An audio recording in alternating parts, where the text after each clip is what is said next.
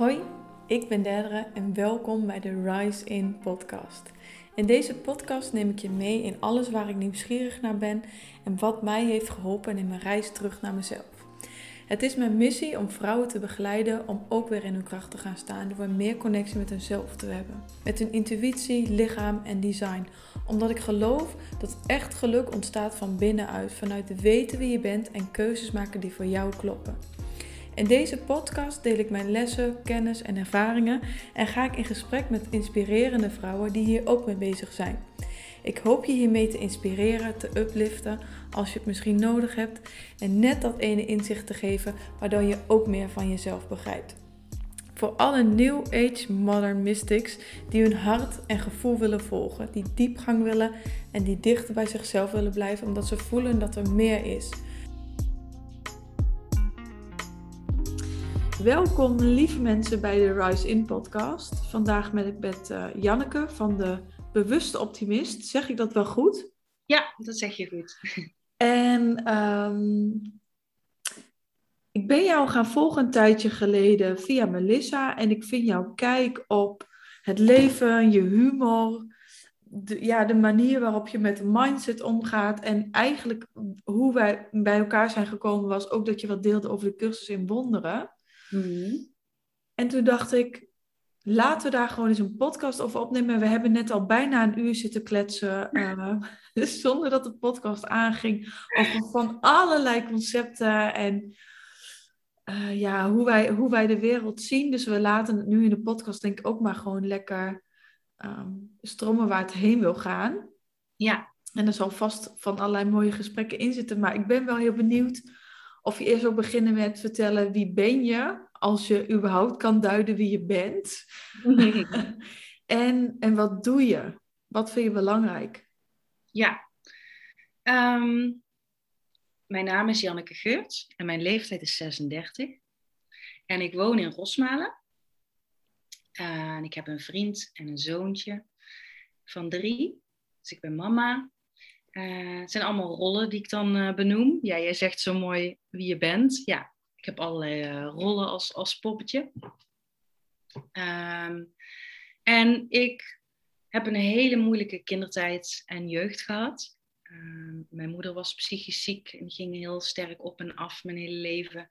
Mijn broer en zus zijn heel heftig gepest. Um, het zijn gewoon momenten geweest dat mijn hele gezin aan diggelen lag. En, en dat ik zelf een tijd naar pleegouders moest. En het is gewoon mijn kindertijd is gewoon zo'n, was een aaneenreiging van spanning en trauma's en, en heftigheid. En, um, en ik ben uh, op hele jonge leeftijd, ik denk dat ik elf was, dat ik uh, in therapie ging en op zoek ging, bewust op zoek ging naar geluk. Dus daar kom ik vandaan, dus een stukje achtergrond.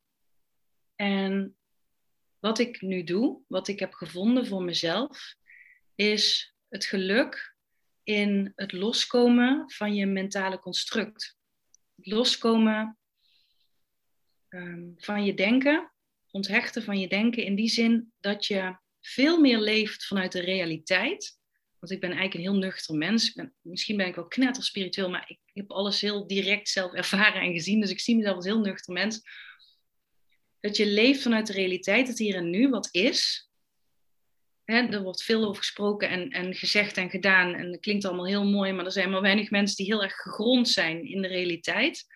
Uh, dat komt omdat wij verstrikt zitten in het denken. En het denken, uh, ik ben nu een horizontale lijn uit aan het beelden, zit altijd in verleden en toekomst.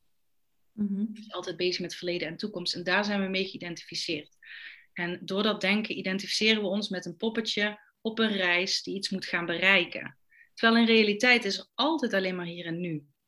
En dat is volmaakte vrede en volmaakte vrijheid.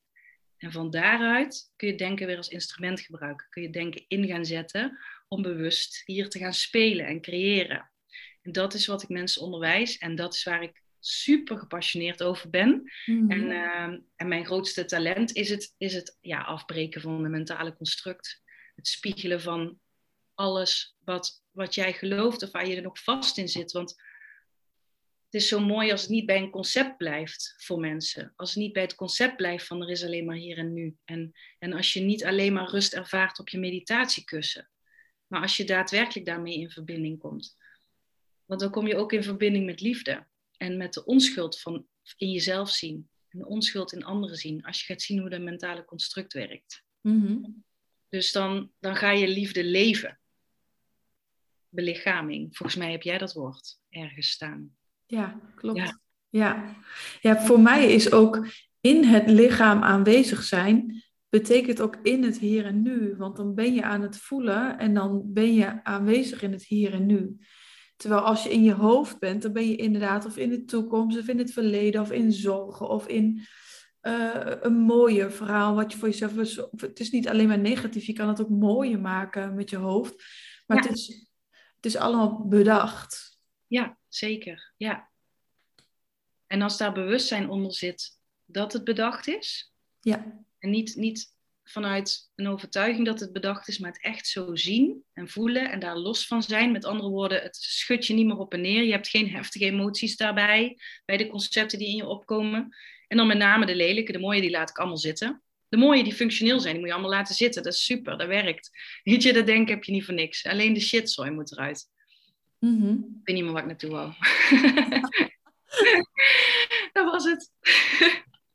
Maar het is wel een hele mooie wat je zegt, want ehm, ik weet nog dat ik inderdaad heel veel las over ja, het hier en nu en daar dan zijn. Ja, Maar ik weet nog heel goed dat ik dat boek van eigenlijk een van de eerste soort van momenten waarop ik me besefte dat ik mijn denken niet ben. En dat heb ik volgens mij wel eerder ook een keer in de, in de podcast gedeeld, maar dat, dat kun je dan oneindig blijven delen. Was het moment dat ik het boek van Eckhart Tolle las. Ehm, hoe heet het boek ook alweer? Kracht van het nu of nieuwe aarde? Eh, die bent nu. De kracht van het De nu. kracht van het nu, ja. En dat, My first Sony. ja, en dat je ehm, ehm, stil mocht worden. En dan je gedachten ging observeren. En dus toen stelde hij de vraag: maar wie is dan diegene die jouw gedachten observeert? En toen klikte er iets in mijn hele zijn en dacht, had ik echt een what the fuck moment. Maar daarmee viel ook meteen mega veel van mij af. Mhm. Want hoe, hoe het bij mij ooit is begonnen, dat ik eigenlijk boeken ben gaan lezen, zoals Een Nieuwe Aarde of eh, De Kracht van het Nu, of meditatiecursus ben gaan doen, al die dingen, is Mhm. begonnen dat ik een eetstoornis had. En, eh, en ik me toen besefte, het gaat niet over eten, het gaat niet over al die dingen aan de buitenwereld, maar het gaat over de dingen die ik denk over mezelf. Ja. geluk, alles. En ik weet ook niet waar ik dat toen vandaan heb gehaald, maar dat was gewoon een heel diep weten in mezelf van, het zit in mezelf. Dus als ik het ga opruimen in mezelf, dan Mhm. verdwijnt het in de uiterlijke wereld waarop ik het projecteer Ja, waar ik het schuld eigenlijk aan geef. Aan mijn ouders, aan leraren, aan de tv, aan weet ik het wat. En toen is eigenlijk mijn reis naar binnen begonnen. En ook waarom mijn bedrijf Rise In heet. Eerst naar binnen gaan om te risen. ja, perfect. Ja, Het begint van binnen. ja 100%. En, en eindigt van binnen. Het is allemaal. eh, ehm, het wordt wel eens een droom genoemd. En als je het zo benoemt, dan is het voor nuchtere mensen eh, gaat het te ver dat het leven een droom is. Ja, Als je kijkt naar is dat. misschien ook heel eng, hè? Kan ja, is ook- eng zijn. Jazeker, want als je echt aan de slag gaat met bewust creëren en met ehm, eigenlijk ontwaken, dat is waar wij het nu over hebben, dat is ontwaken uit de illusie dat je je denken bent. Dat is een soort sterven bij leven. En het is niet het sterven van iets wat al wat wezenlijk was, anders, anders kan het niet sterven terwijl jij doorloopt. Maar het is sterven van een illusie. Maar als je daaraan vasthield, dan, ehm, dan kan dat zeker pijn doen. Heb ik wel ook zo ervaren. Ja, Ik ja, ook wel vast kwijt. ja. Ehm nou ben ik hem weer kwijt. Ik zit gewoon zo helemaal lekker te, te zijn met jou. Nou, is, toch, is ook helemaal goed dan, toch? Om, daar ook weer... eh, Ja, Er komen vanzelf wel weer de woorden, maar het mag ook wel gewoon in stil zijn. Ik denk dat ik eh, ook in mijn podcast, maar ook in, in de coaching, ben ik best vaak wel eens stil. ja ik wachtend tot er weer wat komt. En dan daar Ja. weer op verder varen. Je hoeft het niet altijd te weten. Ja, Nee, precies. Ja, is ook zo. Ja, nou, ik had, ik had een lijn van gedachten en die was daarna weer weg. Ja. Ja. Shit happens. We waren ook weer begonnen. Je begon met: ehm, is het leven eigenlijk, dan is het eigenlijk een droom? Oh ja, die, die, wilde ik duiden, ja. Ehm, en toen zei jij van dat het uh, wel eng kan klinken. Ja, precies. Um, maar het is zo, zo nuchter als dat er echt alleen maar hier en nu is. Dat, dat tijd, dat is een woord.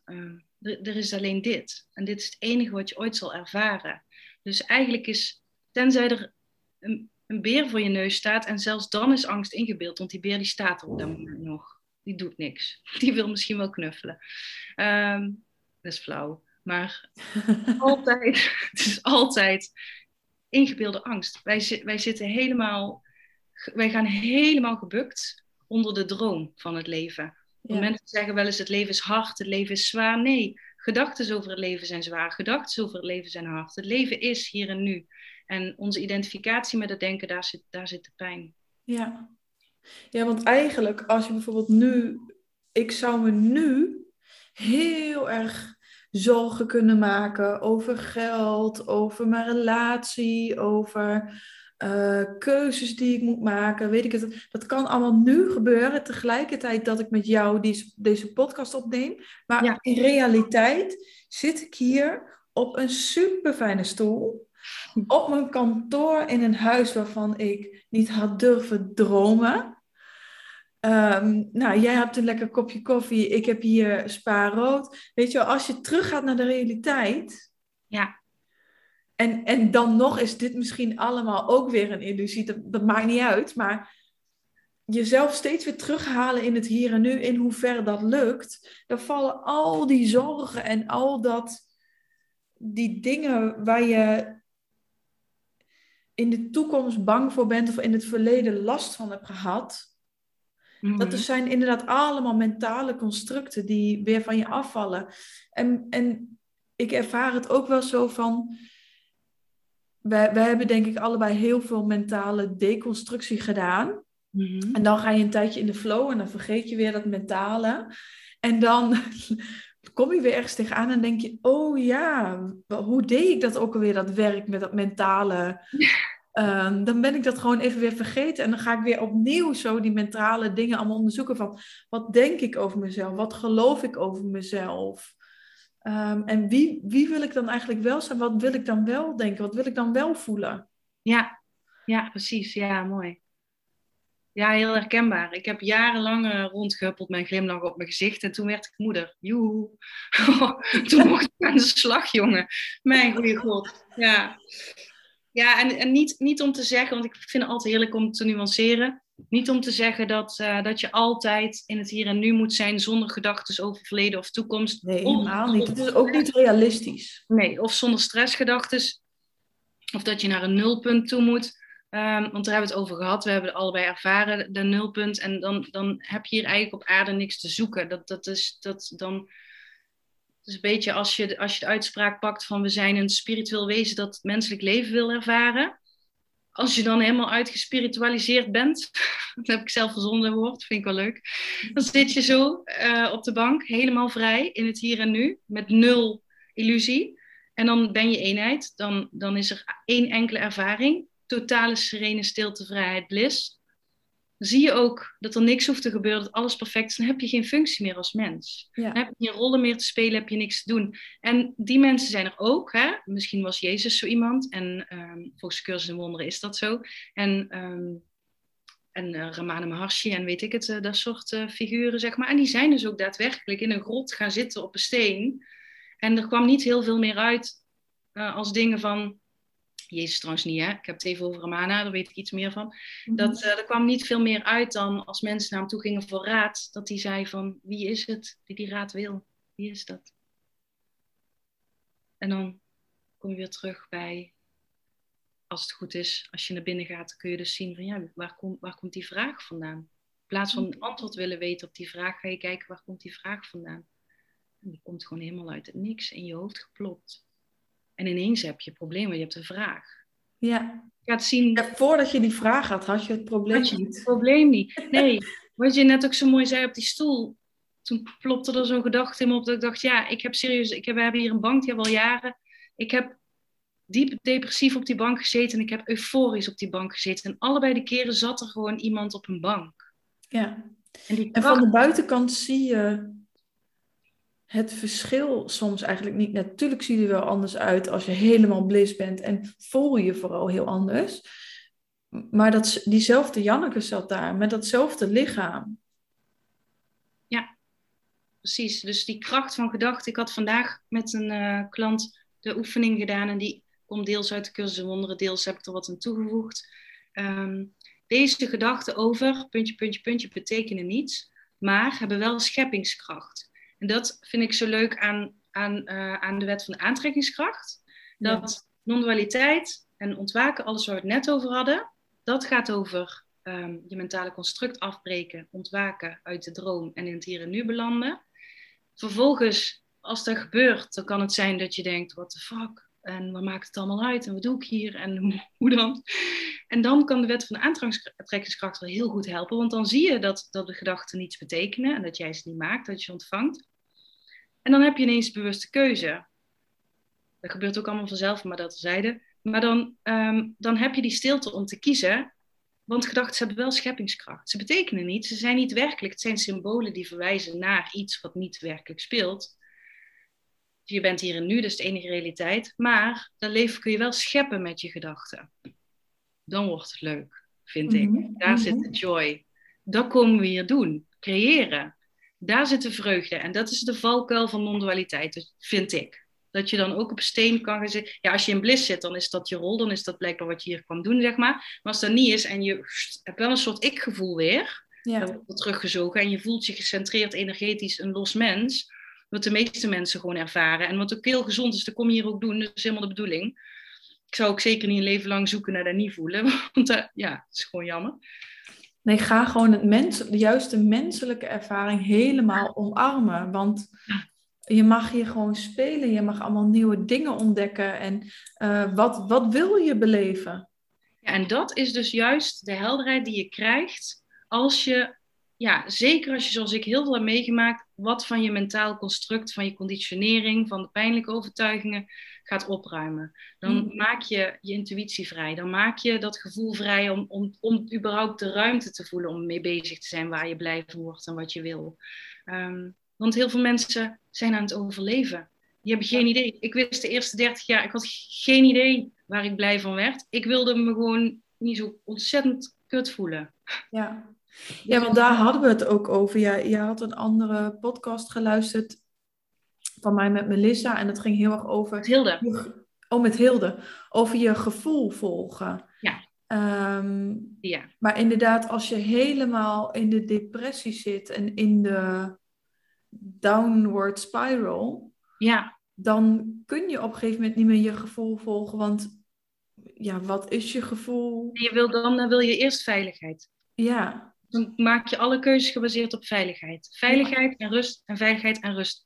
Dus er is, um, voor ieder mens is er gewoon een ander plekje waar die instapt. Qua lezen, qua coach, qua begeleiding, qua onderzoek doen.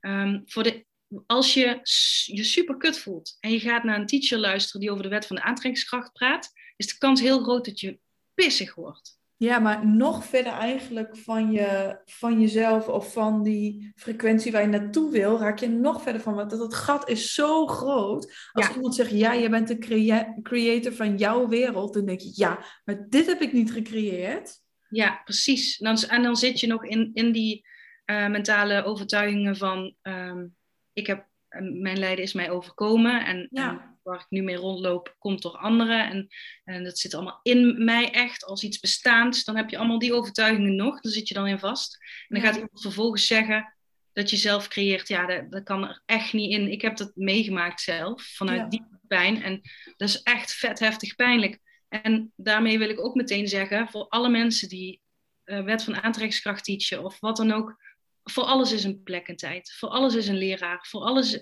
En, en je zult mensen kwetsen ik zal ook mensen kwetsen. Maar um, iedereen die pijnpunten in zich heeft, kan geraakt worden. Dat zegt niks over mij of over jou. Dus als je die als je als coach of ondernemer zeg maar, een kooi voelt om in te praten, omdat je eigenlijk zo'n ontzettende liefhebber van mensen bent, zo ontzettend veel liefde voelt, ja, gooi die kooi weg. Want je zult altijd iemand steken als iemand een bepaalde overtuiging heeft op zichzelf. Want daar zit in die iemand, snap je? Dat gaat niet. Dan gaat jouw boodschap, kun je daar niet op aanpassen. Onmogelijk. Je kunt altijd iemand ergens op een punt van de rit, kun je, die kan aanstoot aan jou nemen.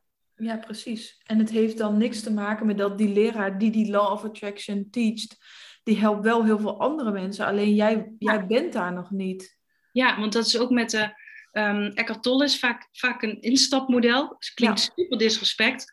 Bedoel ik totaal niet zo. Want die is voor mij ook zo geweest. Van dat, dat boek was een van de eerste momenten waarop ik waarop eigenlijk een stukje wakker werd in mij. Of ja. een stukje uh, controle, echte controle, weer ja. terugkreeg van wow, ik creëer dus echt mijn eigen wereld. En op een of andere manier is dat dan voor mij nooit heel pijnlijk geweest. Ook al had ik wel eigenlijk een hele heftige jeugd. En een eetstoornis van jaren en overtuigingen en weet ik wat allemaal. Maar dat concept van ook oh, creëer mijn eigen wereld is voor mij altijd bevrijdend geweest. Dus het ligt er ook heel erg aan welke, welk stukje weer vergeten bent, zeg maar, als mens. Ja. Ja, en, en waar je rijp voor bent. En ja. ik heb ook jarenlang therapie gehad om, waarschijnlijk voordat die boodschap binnen kon komen zoals die binnenkwam. Ja. En um, wat ik nog wilde zeggen over Eckhart Tolle is dat dan bijvoorbeeld mensen die, um, die zeggen de, je moet juist zien dat, dat, je, dat je je ego niet bent en dat, dat, dus niet, dat daar de vrije wil niet in zit. Terwijl hij spreekt heel erg een doener aan. Als je dit doet en dat bekijkt, dan ga je dit zien. Uh, dus, dus hij heeft ook heel veel kritiek zeg maar, op dat hij onwaarheden verkondigt. Dus er is altijd kritiek en er is altijd uh, strubbeling. En als je dit luistert en je denkt van ja, ik vind dit helemaal een rot gesprek, ja, dat, dat, is, dat is perfect. dan weet je waar je niet moet zijn. Of als je dit helemaal geweldig vindt, dan weet je waar je klaar voor bent en waar je, waar je mag zijn. Ja. ja. Ik vind het wel mooi uh, dat ik, ik wil eigenlijk zeggen, alles mag er zijn. Echt alles. Alle kleuren, alle leraren, alle coaches, alle boodschappen. Voor iedereen helpt het iets ik, iemand kan verkondigen van ja, als je 30 minuten per dag op je hoofd gaat staan, dan word je zoveel gelukkiger van. En daar kan ik van alles van vinden. Maar als er daarna mensen zeggen die zeggen, ja, mijn leven is gewoon helemaal veranderd. Ik zie wel eens ooit boodschappen of beloftes dat ik denk, jeetje, joh, serieus? En, en dan denk ik, ja, dat is een beetje water naar de zee dragen. Maar dan zie je daarna uh, mensen die zeggen van, uh, helemaal geweldig dit, helemaal geweldig. Ik sta nou op mijn hoofd en ja, top of the world. Dan denk ik, nou, te gek, prima. Ja. En het is misschien ook wat geloof je wat je gaat helpen. Dat vind ik ook elke keer weer zo grappig. Als je het gewoon echt gelooft, dan gaat het je ook wel helpen. Ja, 100%. Het is 100% mind. Ja. Ja. Ja, dat, dat ja. 100. En hoe is dat dan bij jou gegaan? Want je, je, je was dus eigenlijk heel depressief en je zat heel laag en, en je hebt hulp gehad van psychologen. Maar hoe ben je eigenlijk dit pad opgegaan van die mindconstructen? ik zat in een bijstandsuitkering met burn-out nummer 2. En toen was er een man en die ging mensen in een bijstandsuitkering vrijwillig helpen. Mhm. Of ik dat wilde? Ja, dat wilde ik wel. Nou, die man die hielp vanuit de cursus in wonderen en The Work en Choose Again van Diederik Wolzak. Allemaal fantastische tools die ik ook gebruik. Um, ging hij met mij zo'n drie uur per week zitten. En dan ging mijn ogen dicht doen en dan ging hij, gingen we naar mijn verleden kijken. En gingen we heel mijn verleden eigenlijk herschrijven. Ja. En niet herschrijven alsof je je herinneringen echt verandert. Dat je zegt van daar werd ik geslagen. En dat je daarna zegt, oh ik werd daar niet geslagen. Niet op die manier even voor mensen die daar nul ervaring in hebben. Mhm. Ehm, maar um, dat als je daar geslagen bent bijvoorbeeld, dat je gaat kijken, oké die klap, fysieke pijn, drie seconden. De rest van je leven pijn. De overtuiging, ik ben waardeloos. Ik mag er niet zijn. Ik moet mezelf onzichtbaar maken. Dus dat je ziet dat je in alle onschuld daar zelf heel belemmerende, pijnlijke dingen bent gaan geloven. En dat is pure onschuld. Dat is pure onschuld. En je neemt En overleving ook, hè? En overleving, ja, dus, dus, dus onschuld. Het is, het is gebeurd en je kunt niet anders. En, en zeker als kind, um, je hebt gewoon amper kader. Eh, alles uh, betrek je op jezelf. Dus uh, dat gebeurt en dat hoort ook zo te gebeuren. is ook waarom ik niet zo heel spastisch ben over de opvoeding. Ik weet gewoon dat ego de eerste jaren sowieso negatieve dingen op gaat slaan en gaat geloven. En ook dat het heel goed en makkelijk te herschrijven is. Dus ehm, ja, dus dat, dat je op die manier gaat kijken naar, maar hoe heb je daar je eigen lijden gecreëerd? En dat je ook naar de daders in je leven gaat kijken, uh, zodat je de onschuld in hen gaat zien. En dan echt je hart helemaal bevrijden. Ja. Naar jezelf, naar anderen. En wat er dan gebeurt, ik was diep sociaal angstig. Ehm, dat je weer contact durft te maken. Dat je niet meer een en al angst bent. Dat je niet meer op zee op zoek hoeft naar veiligheid. Dus dat langzaamaan hey, wat vind ik eigenlijk leuk op de wereld, een relevante vraag wordt. En, en dat je dus liefde gaat leven. Dat je conflicten vallen weg met andere mensen. Um, en je, je wordt geen pushover. Je wordt geen. Uh, uh, dat is heel vaak de angst. En mensen zeggen: ja, maar als ik dan allemaal liefde en liefde in iedereen zie, weet je wel, laat ik dan maar over me heen lopen. En vind ik dan alles maar goed. Of als ik ga houden van wat is, kom ik dan nog wel in beweging. Mm Ja, juist vanuit zuivere zuivere impulsen die echt bij jou kloppen. Ja. En juist vanuit zuivere impulsen die echt bij jou kloppen, blijf je in een relatie of niet. Maar niet vanuit jij bent de schuldige, ik haat jou, nou gaan we vechtscheiding in. Maar vanuit hé, hey, jij bent die persoon met die overtuigingen. Dat strookt niet met wat ik graag wil, waar ik wil zijn. kunnen elkaar hier niet in vinden. Dan kies ik ervoor om een andere kant op te lopen. En ik wens jou het allerbeste. Mm Ja. Ja, dus je kunt op twee manieren een, uh, een authentiek leven leiden. Eentje is in gevecht met alles en iedereen. En het andere is vanuit liefde en vanuit zachtheid, vanuit voelen en, en vanuit helderheid. Ja, mooi. Dat doet me ook denken aan, aan die fase waarin ik dus ook heel erg bezig was met, die mentale constructen weghalen. Dat ik heel erg ging kijken welke mensen in de wereld triggeren mij nou ja. tot het einde. En, en er was één, ik werkte toen nog in de thuiszorg. Ja. En er was één vrouw. Nou, dan zag ik die dag van tevoren er al tegenop. Terwijl ik hou van mensen, altijd al gehad. En ik heb altijd heel veel geduld en begrip. Maar die vrouw, nou, die, die, die dag van tevoren dacht ik al... Oh nee, die hele route mogen gadverdammen. en, uh, en juist op die mensen het werk doen van... Wat is nou echt waar? Wat geloof ik over haar, waardoor ik mij zo voel? Ja. En op wie lijkt ze misschien wel in mijn Mhm. verleden? En doe ik wat zij doet, doe ik dat ook. Ja. En daarmee valt alle pijn weg. En kon ik daarna neutraal naar die vrouw toe gaan. Oké, het zou nooit een vriendin worden, zou nooit helemaal geweldig. Maar ik kon er neutraal naartoe en ik had geen last meer. Die vrouw was dezelfde persoon. Ik probeerde haar niet meer te veranderen. Uh, Ja. maar in mij was er iets veranderd. En ik deed met mijn plezier dat werk. Ja Dus je wordt zeker niet eh, iemand die over zich heen laat lopen.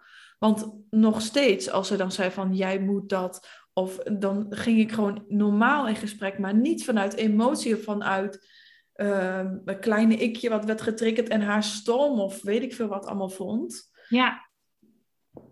Maar juist vanuit neutraal naar iemand kijken en, en geen last meer van hebben. Mhm. Ja, fantastisch. Ja. En, En dat ook- is ook die, die quote van pijn is onoverkomelijk in het leven, want we zijn mensen en pijn hoort erbij, maar lijden is een keuze. Mhm. Ja, dat een emotie iets van 90 seconden duurt, hè? Als je hem puur, Ja, als je hem niet zelf verlengt. Ja, ja, ja, ja en ook, eh, dit is dan iemand op je werk, maar ehm, er zijn ook sommige relaties die je het allerliefst, als het even kan, niet wil verbreken. Ja. Bijvoorbeeld met je kinderen, of met je ouders. Of, ja, en als daar heel veel aan de hand is, dan is het fantastisch als jij daar helemaal vrede in kan vinden. Want die, die, die wil je in je leven. Die gaan nergens heen. Soms woon je in hetzelfde huis met die mensen. ja. Ja, en daar, daar überhaupt, daar begint het in de relatie en daar eindigt het ook volgens mij. In de relatie met je ouders. Dat is een soort van oerrelatie voor alle relaties die je daarna aangaat. Voor mijn gevoel kun je elke keer weer terughalen. naar, Oh, ja. oh ja, ja. ja, dat zou wel kunnen. Dat, dat, dat zou zomaar eens kunnen, ja. Ja, ik heb daar ook veel in familie, familieopstellingen of ehm, dat boek van Els van Stijn de Fontijn. dat vond ik ook heel verhelderend. Want inderdaad, de relaties waar ik het meest uh, last van dacht te hebben, of het meest door getriggerd werd, of uh, op de schuld gaf, waren die met mijn ouders. Ja. En als je daarin heel veel gaat helen, heelt er heel veel in andere relaties. Ja, omdat, omdat jij de projector bent. Ja. Dus ja, als je één gedachte hebt onderzocht, één concept, één, één belemmerende overtuiging die jou afscheidt van liefde, dan kun je die op niemand meer plakken. Dat is zo gaaf. Ja. Vond ik zo wonderlijk toen ik met die coach samenwerkte. Die is al tien jaar geleden, als het niet langer is, tien jaar ongeveer. Dat, uh, dat we dan bijvoorbeeld op mijn moeder werkten en dat daarna ineens nooit meer conflict had met mijn vader. Ja. huh? Ja. Oké. Ja. Ja. Je merkt gewoon dat diegene doet nog precies hetzelfde, Ja. maar het raakt je niet meer. En daar zit het lijden in. Ja, in wat je er zelf over gelooft en wat je Ja. plakt. Diegene zegt iets en daardoor, ja, en jij bent altijd, eh, de altijd nooit, dat soort verhalen. Ja, ja, ja. En, en, en nog, die, eh, in, in mijn huidige relatie zeg ik ook nog wel eens van die dingen van, ja, jij bent altijd, of jij doet nooit. Mhm. Ehm, dus ik denk dat dat ook gewoon heel normaal is dat je dat blijft houden.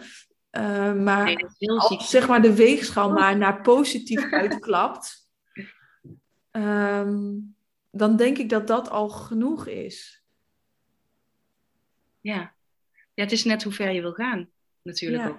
Ja, ja, Als je, als je een hele heftige jij altijd of jij nooit, dan kun je hem ook onderzoeken. Als je zegt, dat was een heftige emotie, daar heb ik helemaal geen zin in, dan kun je Ja. hem onderzoeken. ja, precies. Juist die, dat zijn juist de hele momenten om te zeggen dat je jezelf iets hoort zeggen. En soms moet ik dan al lachen om mezelf in mijn hoofd. En doe ik het toch nog.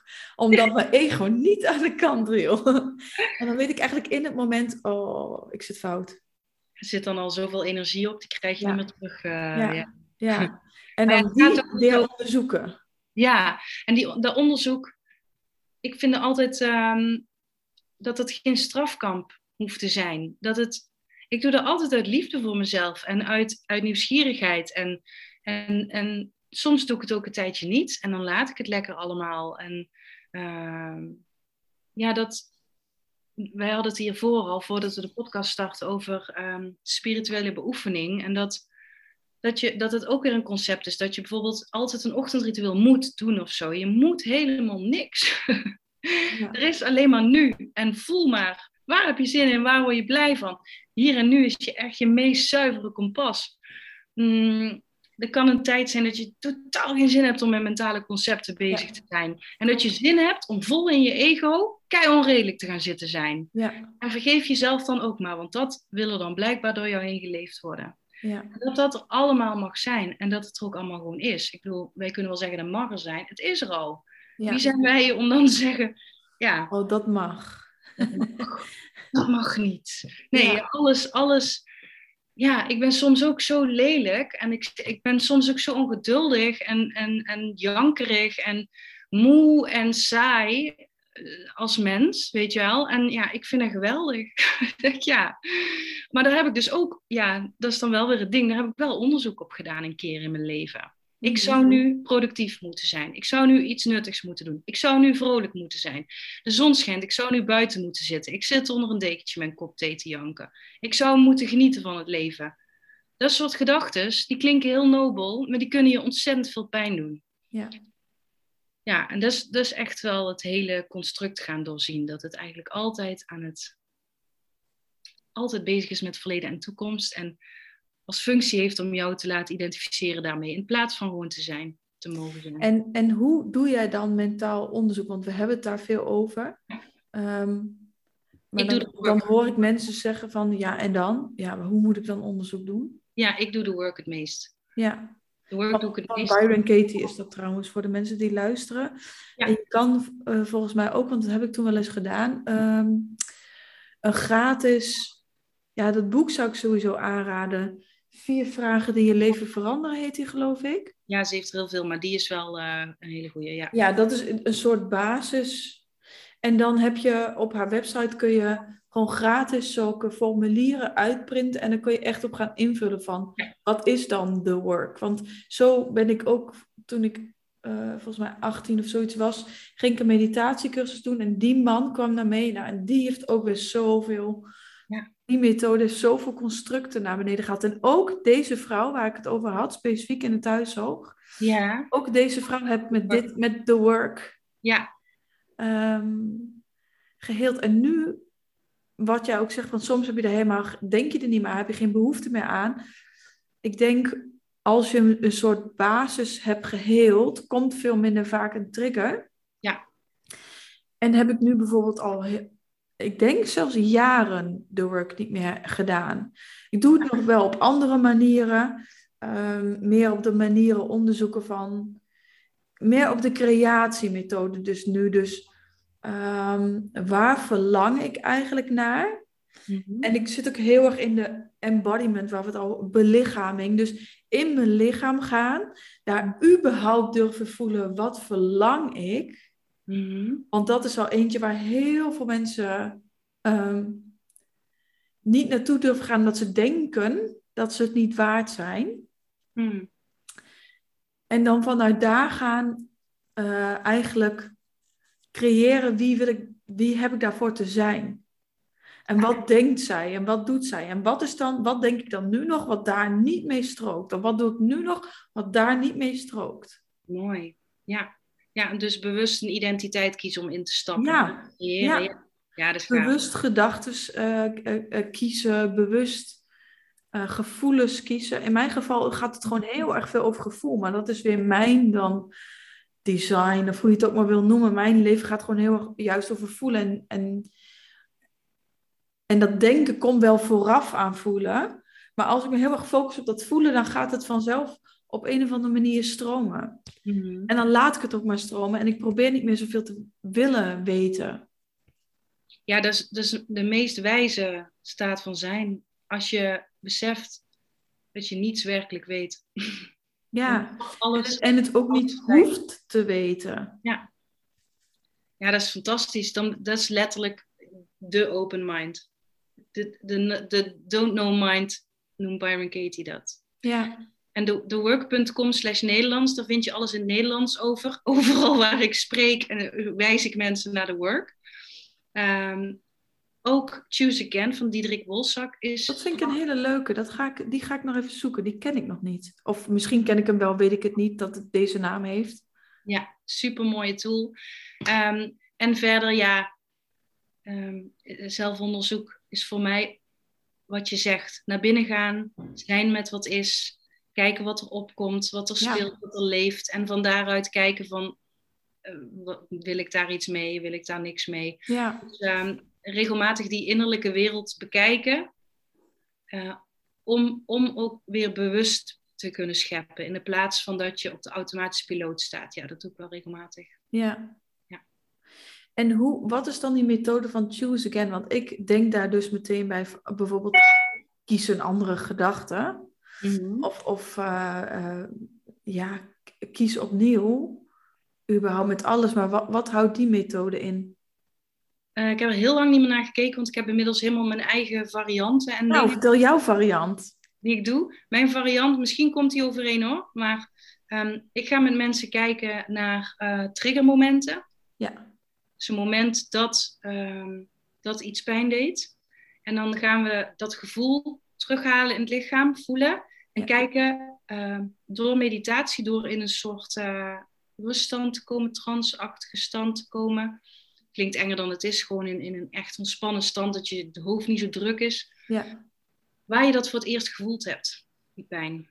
Want als, het, als jij bijvoorbeeld uh, gewoon te heftig reageert op iemand die zijn auto verkeerd geparkeerd heeft, dan heb jij daar een oude pijn op. Ja. Dan ben jij iets aan het projecteren wat, wat, uh, wat niet hoort bij die huidige situatie. Dus een oude pijn, dan gaan we daar naar kijken.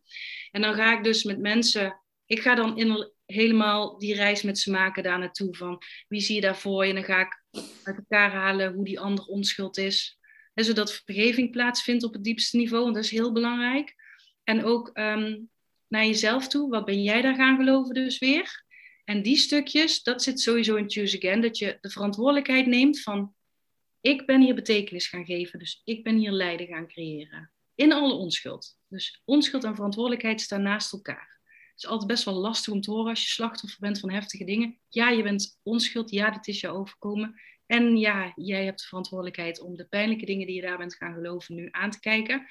En choose again is eigenlijk kijken. Ik ben bijvoorbeeld gaan geloven dat ik waardeloos ben. En we kijken nu opnieuw naar die situatie. En Janneke heeft me er helemaal doorheen genomen. En ik zie die situatie nu heel helder. Wat daar gebeurde, wat hier gebeurde. Ik ben allemaal mooie handgebaren aan het maken. Dit is een podcast. ik heb echt al die handgebaren nodig eigenlijk. Maar goed, wat er in die andere personen gebeurde, bijvoorbeeld in de dader en wat er in mij gebeurde. En dan ga je kijken, oké, ik ben gaan geloven ooit dat ik waardeloos ben.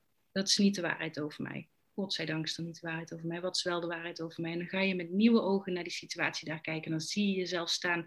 En als ik een voorbeeld van mezelf voor me neem, dan zie ik mezelf bijvoorbeeld voor mijn moeder staan. Die staat te schreeuwen. Waarin ik denk, ik ben onveilig, ik ben waardeloos. Mhm. En als ik heel die situatie heb uitgepluist, wat gewoon een te lang verhaal is voor in deze podcast. En ook een heel intuïtief ding is. Ehm, dan kun je aan het einde zeggen, ehm, ik ben ooit gaan geloven dat ik waardeloos ben. Godzijdank is dat niet de waarheid over mij. De waarheid over mij is. En dan ga je kijken en dan zie ik daar zo'n beeldschoon, integer, zacht meisje. Dus dan is het de waarheid over mij is dat ik prachtig ben. De waarheid over mij is dat ik onschuld ben. De waarheid over mij is dat ik liefde ben.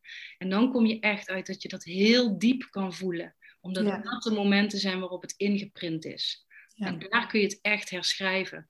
Want ook de work ehm, kun je daarop doen. Maar het gaat, voor mij gaat het wel het allerdiepst als je echt naar van die eikmomenten gaat in je leven. Waar je echt ingeprint bent op, op flink pijnlijke dingen. Die diep zijn gaan zitten. Die je al een, jaar, ja, een leven lang aan het oefenen bent, die overtuigingen. En dus al een leven lang ziet in de wereld. Dus jouw overtuiging is diep, diep, diep, diep, diep. Dan moet het gevoelsmatig heel diep gaan, wil je het echt anders voelen.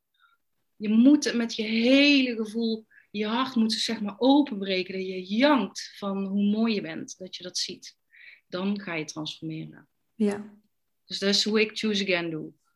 Mooi. Eh, ja, ik besef me dat ik daar ook een versie van doe met mensen. Dus ook helemaal terug naar het, wanneer was nou het allereerste moment dat je dat voelde? En dan in die situatie weer daarin teruggaan. En dat ook inderdaad weer voelen in je lichaam.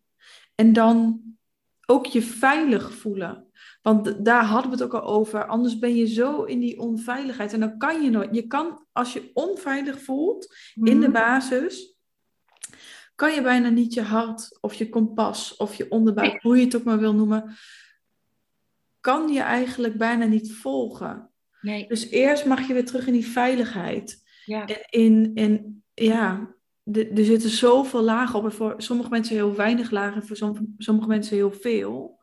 Ja. Maar wel in dat moment. Maar dit vind ik een hele mooie uh, toevoeging. Echt die woorden eraan geven van... Ik ben dat gaan geloven. Maar godzijdank is dat niet waar. Nee. Nee, het kan nooit waar zijn. Alle pijnlijke dingen die we geloven over onszelf zijn onschuldige vergissingen. 100%. Waarom ze nog in ons leven zijn, is omdat we nog heel veel op te schonen hebben als collectief. Uh, maar we zijn met heel veel mensen bezig. En uh, het wordt alleen maar mooier. Ja, en jij hebt ook een ervaring gehad waarin je eigenlijk uh, een soort eenheidsbewustzijn ervaarde. Kun je daar wat meer over vertellen? Um, ja, dat was het totaal klappen van de ik-illusie. Van de illusie en ik te zijn in een wereld. En, hoe, hoe, wat gebeurde er of hoe, hoe ging dat? ik, had, ik had dan al, al heel veel mentaal construct uit elkaar gepluist. En ik zag al dat ik mijn denken niet was. En, en ik, ik voelde me al hartstikke liefdevol en verbonden en zo. En ik kon echt mooie momenten hebben. Uh, dat ik helemaal in het nu was. Mm, maar, maar toen uh, was er een verschuiving waardoor het praten uit mijn mond dat zag ik vanuit een niet centraal punt. Dus ik zag Janneke gebeuren, zeg maar. Ja. Zo kan ik het het beste beschrijven. Ik zag Janneke gebeuren, wetende, zonder te denken, wetende dat ik Janneke was en de lucht en de bomen en, en het denken en dus alles en niets. En ik zag ook dat alles um, en niets dat alles gebeurt en tegelijkertijd gebeurt er helemaal niets. Ja, Het vaagste ter wereld. Groetjes. maar ja, ja, ik kan ergens voelen waar je het over hebt, omdat ik zelf ook zo'n ervaring heb gehad. Maar het is inderdaad een soort concept totdat je het zelf ervaart. Net als dat jij alles bent, maar ook niets bent.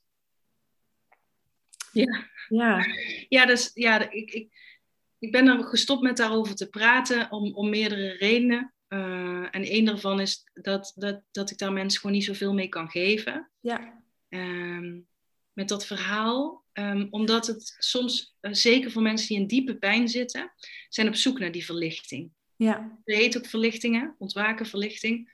Zijn op zoek, diep op zoek naar die verlichting. En als je dan vertelt dat je dat hebt ervaren of zo, dan, dan denken ze dat ik dan iets speciaals ben. Oh ja. Die dan uh, iets kan bereiken dan of zo. Maar ook dat het iets speciaals is waar je moet zijn, waar je naartoe moet gaan, dus wat je moet bereiken. En dan komt er een concept in het hoofd van, als ik verlicht ben, als ik zie waar zij het over hebben, dan ben ik er.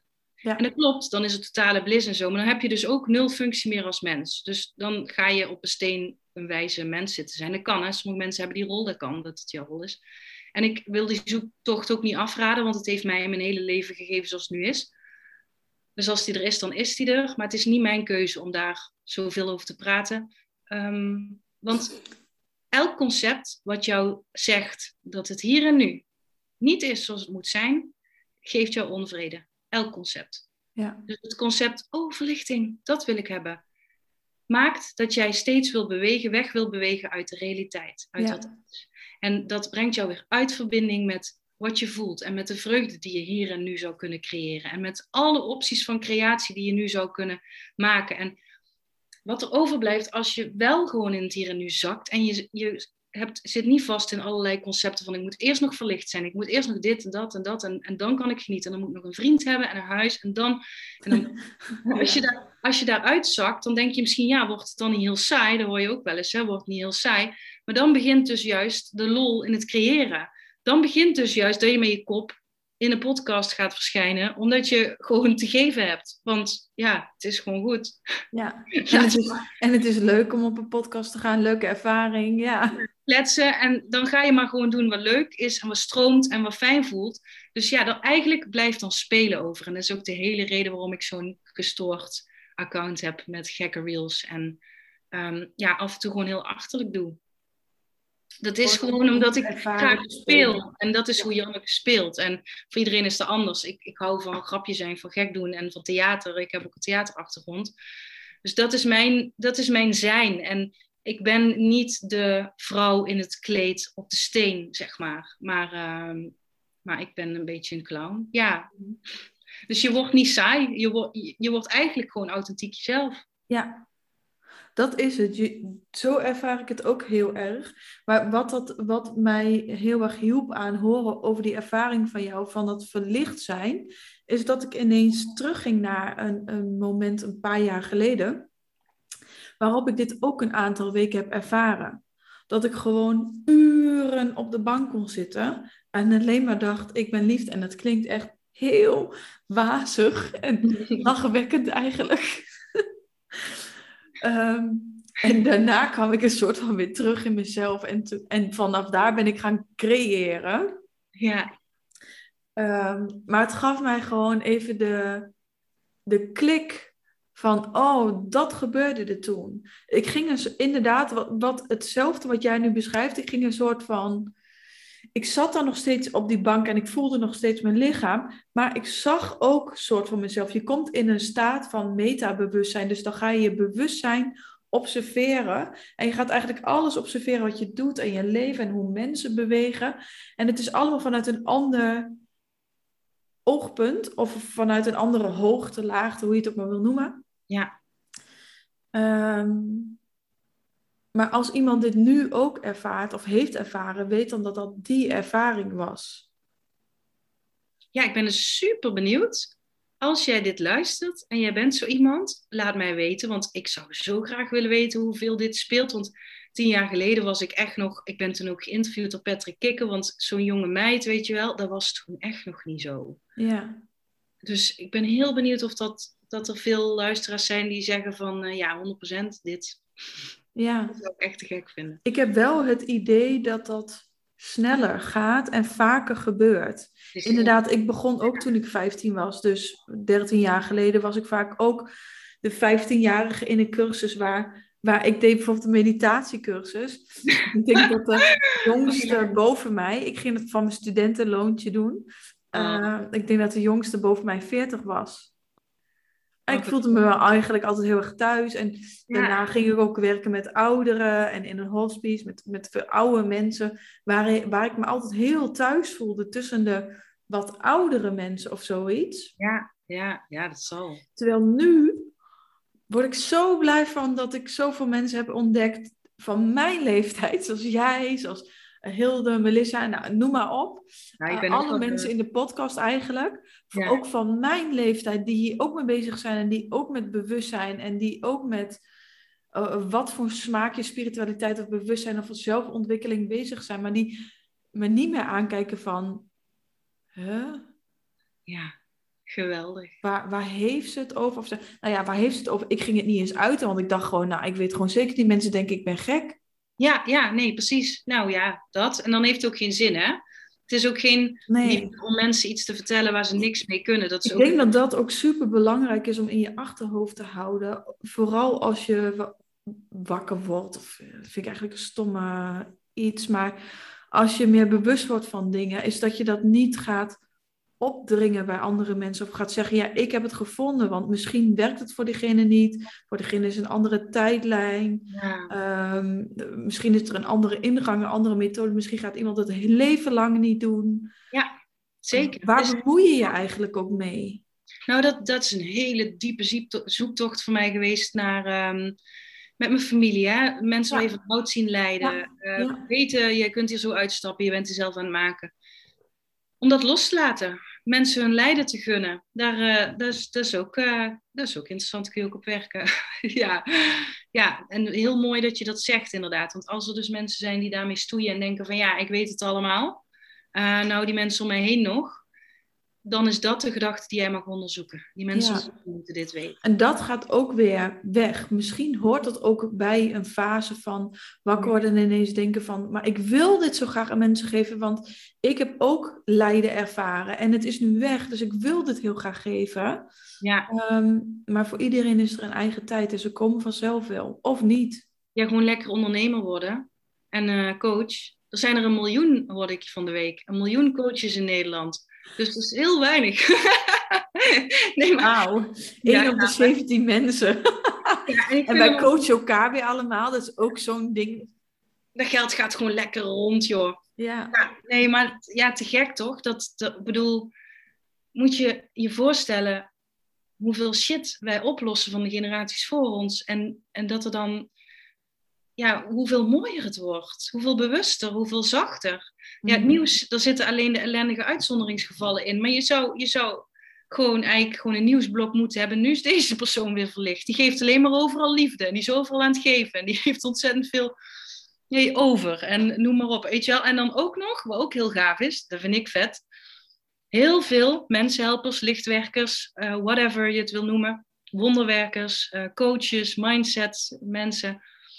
Eh, vinden het stiekem lastig om geld te vragen, om vet geld te vragen, om veel geld te verdienen, om zichzelf groots neer te zetten. Dat is heel vaak een, een blokkade. Maar ehm, bij deze de oproep, laat liefde alsjeblieft een flink podium krijgen. En, en, en ga ervoor, vol. Lief, en als, als jij bijvoorbeeld veel geld verdient, dan ben jij ook de liefdevolle persoon die weet waar je dat geld in wil stoppen. En dat is waarschijnlijk ook weer een investering in iemand, in een andere coach die fantastisch werk doet, in, in goede doelen, in noem maar op. Mhm. Goede producten waar, met, met eerlijke mensen, met die de aarde niet zo beschadigen. Ja, biologisch eten kopen. Ik, bo- ik plant bomen voor iedere klant die bij mij komt, bijvoorbeeld. Ja. Dus laat geld juist, juist in die hoek van ontwaking en liefde stromen, zeg maar, in plaats van in de wapenhandels en in de mensenhandels. Alsjeblieft. ja. Ja. Hey, en nog even terug, misschien als laatste nog, waar we nog even op kunnen ingaan, is ehm, bewust creëren. Want dus met je gedachten ben je eigenlijk ook een, een schepper. Ja, ehm, je, je bent de dromer van de droom. Perceptie is projectie. Dus, of andersom? Nee, perceptie is projectie. Ja, dat is goed om. Dus wat je ziet is eigenlijk een projectie. Dus je kan ook een heel vet leven creëren. Ja, Met de dingen die je denkt en daardoor de gevoelens die je voelt. En daarmee trek je weer aan. Nou, dat is een hele theorie. Maar kun je ons daar nog wat meer over in meenemen of over vertellen? ja. De moeilijkheid daarin zit dat wij heel erg waarde hechten aan de realiteit. En dan doe ik die realiteit zet ik tussen haakjes, want de realiteit is natuurlijk alleen maar hier en nu. Dus wij hechten eigenlijk heel veel waarde aan de geschiedenis. Ja. Waardoor wij heel erg focussen op de hele geschiedenis, hoe het was, hoe het was en hoe het liep, hoe het was en hoe het liep. Stel je voor, je hebt een relatie die niet zo lekker gaat. Mhm. Die relatie, die is er nu helemaal niet. Stel, mijn vriend, ik zit hier nu met jou en ik, mijn relatie loopt niet lekker. Dat is een verhaal uit de geschiedenis. Ja. Als ik het verhaal meeneem naar nieuw hier en nu, misschien denkt mijn vriend wel vandaag, ga ervoor. En dan komt hij thuis en dan zit ik met een verhaal en dan Ja. komt hij binnen en dan, hoi. En dat is hoe wij scheppen met onze gedachten. Omdat wij continu dat, die geschiedenis herhalen. Dus als ik daar mijn verhaal kan laten vallen, door onderzoek bijvoorbeeld, en ik kies iets anders. Ik kies bijvoorbeeld, ehm, ik zeg van, ik wil gewoon heel erg liefde ervaren in mijn leven. En ik ga gewoon heel erg focussen op de liefde in mezelf. En ik ga heel veel liefde voelen. En ik ga liefde zoeken in alle andere dingen die ik zie dan die relatie. Want dat is even dan mijn pijnpunt bijvoorbeeld. Dus ik loop helemaal over van liefde. Dan loop ik helemaal over van liefde en dan komt mijn vriend thuis en zegt, hoi schat. En dan denkt hij, hey, oh, dat is een leuke pa. Hallo, kus. Weet je wel, zo. Even, om gewoon even een concreet voorbeeldje te geven. Ja. Dat is hoe het kan gaan. Dat is hoe je kan creëren. Alleen wij hechten dus heel veel waarde aan die geschiedenis, omdat we denken dat het is wie we zijn. Omdat we geïdentificeerd zijn met het denken. Ja. Dat we denken, ik ben dat poppetje die ik in mijn hoofd heb zitten, die gisteren daar liep. En die... Daar zitten we helemaal in vast. En dan kun je niet opnieuw creëren. Dus het is eerst losbreken en dan opnieuw kiezen. Dit is wel een heel mooi, ook concreet voorbeeld van, oh ja, wow, dat doe ik gewoon zelf.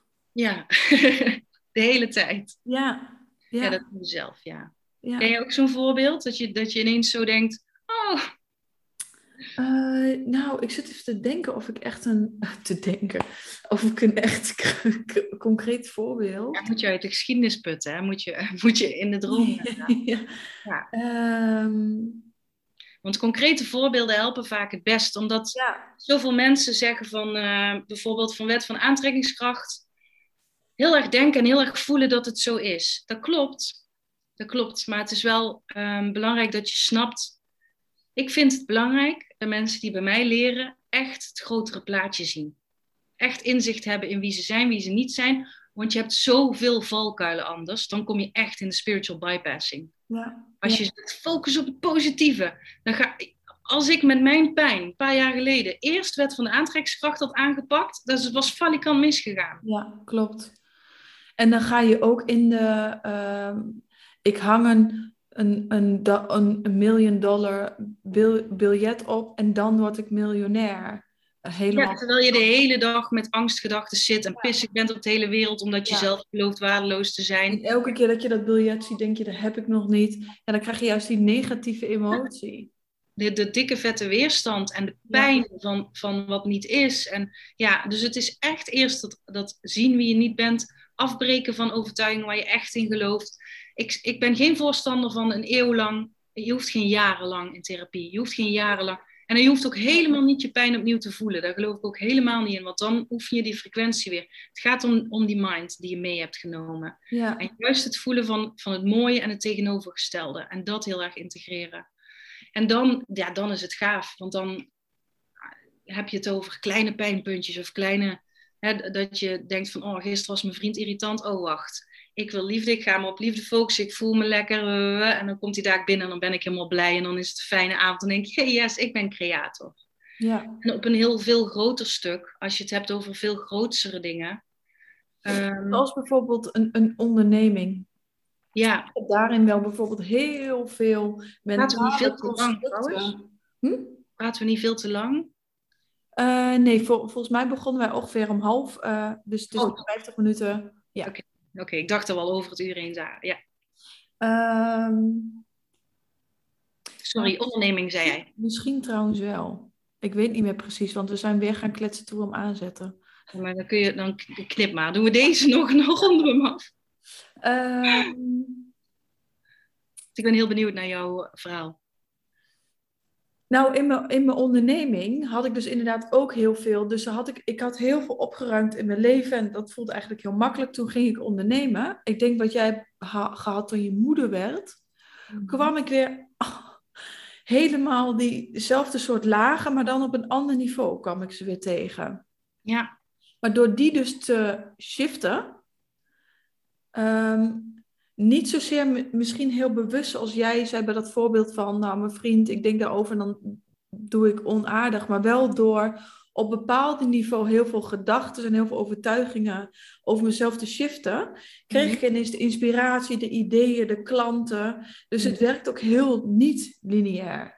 zeker. Ja, dit was even bewust een super direct voorbeeld. Om, ja, om het heel nuchter te maken. Want daar hou ik Ja. altijd van dat je het gewoon heel helder kan zien. Van, oh ja, dat gebeurt er. ja. Maar dat, dat is absoluut waar wat jij zegt. Op de lange termijn. Ik, ik heb ehm, in een half jaar ongeveer 10.000 euro omgezet. Terwijl ik van nul weer begon. Ik had alles liggen. Ik heb mijn naam veranderd, alles. Ik ben gewoon op Instagram gegaan omdat ik het een leuk kanaal vond. Ik ben gaan kloten en, en vrolijk gaan doen. Ik heb tegen mensen gezegd, kom maar bij mij als je wil. Betaal maar wat je het waard vond. En toen heb ik een groot traject de wereld ingeslingerd. En nou, nou doe ik erover alsof het niks is. Maar het is allemaal echt vanuit joy en nul marketing en nul kennis. En, en allemaal, allemaal mijn plezier volgen. En vertrouwen en weten wat ik kan. En, en dus echt wel gewoon ehm, positieve overtuigingen hebben. ehm, me heel goed voelen. Dat allemaal zo aantrekken heel makkelijk. ja, ja. Ja, dus dat het op een groter vlak... Ja, je krijgt het aan alle kanten weer spiegeld. Ja, precies. Het gaat gewoon stromen. Ja. Als het in jezelf stroomt, stroomt het in de wereld om je heen. Ja, zeker. Dat is die wet van de aantrekkingskracht. Ja, dat het toch echt één groot energieveld is. En ehm, mijn, mijn energie staat altijd op één. Altijd. Boven welk concept ter wereld. Als, al heb ik het concept om 11 uur moet ik een kopje koffie. Als mijn energie zegt dat als ik voel dat ik water wil, dan drink ik water. Kei flauw voorbeeld, maar om het concreet te maken. Geen enkel concept is heilig bij mij. ja. Ja, en zo, zo, eh, dat is ook eigenlijk wat ik in Human Design doe. Dus mensen terugbrengen naar hun gevoel. Ehm, en vanuit daar gaan opereren. En dat is van moment tot moment tot moment tot moment. Ja, dus nu. Nu is je Ja. kompas. Nu is de enige realiteit en je enige kompas. En wat we, ik denk dat een vergissing is dat we heel vaak heel erg veel vooruit willen denken en plannen. Alsof we weten hoe we ons over een half jaar voelen en wat we dan nodig hebben. Dat we daar, ja, ik geloof daar dus niet in. Nee. Zullen we daar maar mee afsluiten? Ja, laten we doen. Anders dan blijven we kletsen. Maar ik vond het super leuk en heel. En nul cursus in wonderen. Ja, Bijna nul wonderen. Ook altijd leuk dat je daarover begint. En we zijn een helemaal andere kant op gegaan. Dan, is dit, dan, dan klopt dat ook weer. Weet je hoe je de podcast moet noemen? De podcast die niet over de cursus in wonderen gaat. Ja, nou, super bedankt. Ik vond het heel erg leuk. En eh, voor de mensen die luisteren, laat ons vooral weten wat jullie grootste inzicht was. Wat jullie heeft geraakt. En, ehm, en of jullie er wat aan hebben gehad. Ja, dankjewel voor het luisteren. En jij nog een keer bedankt. En jij ook?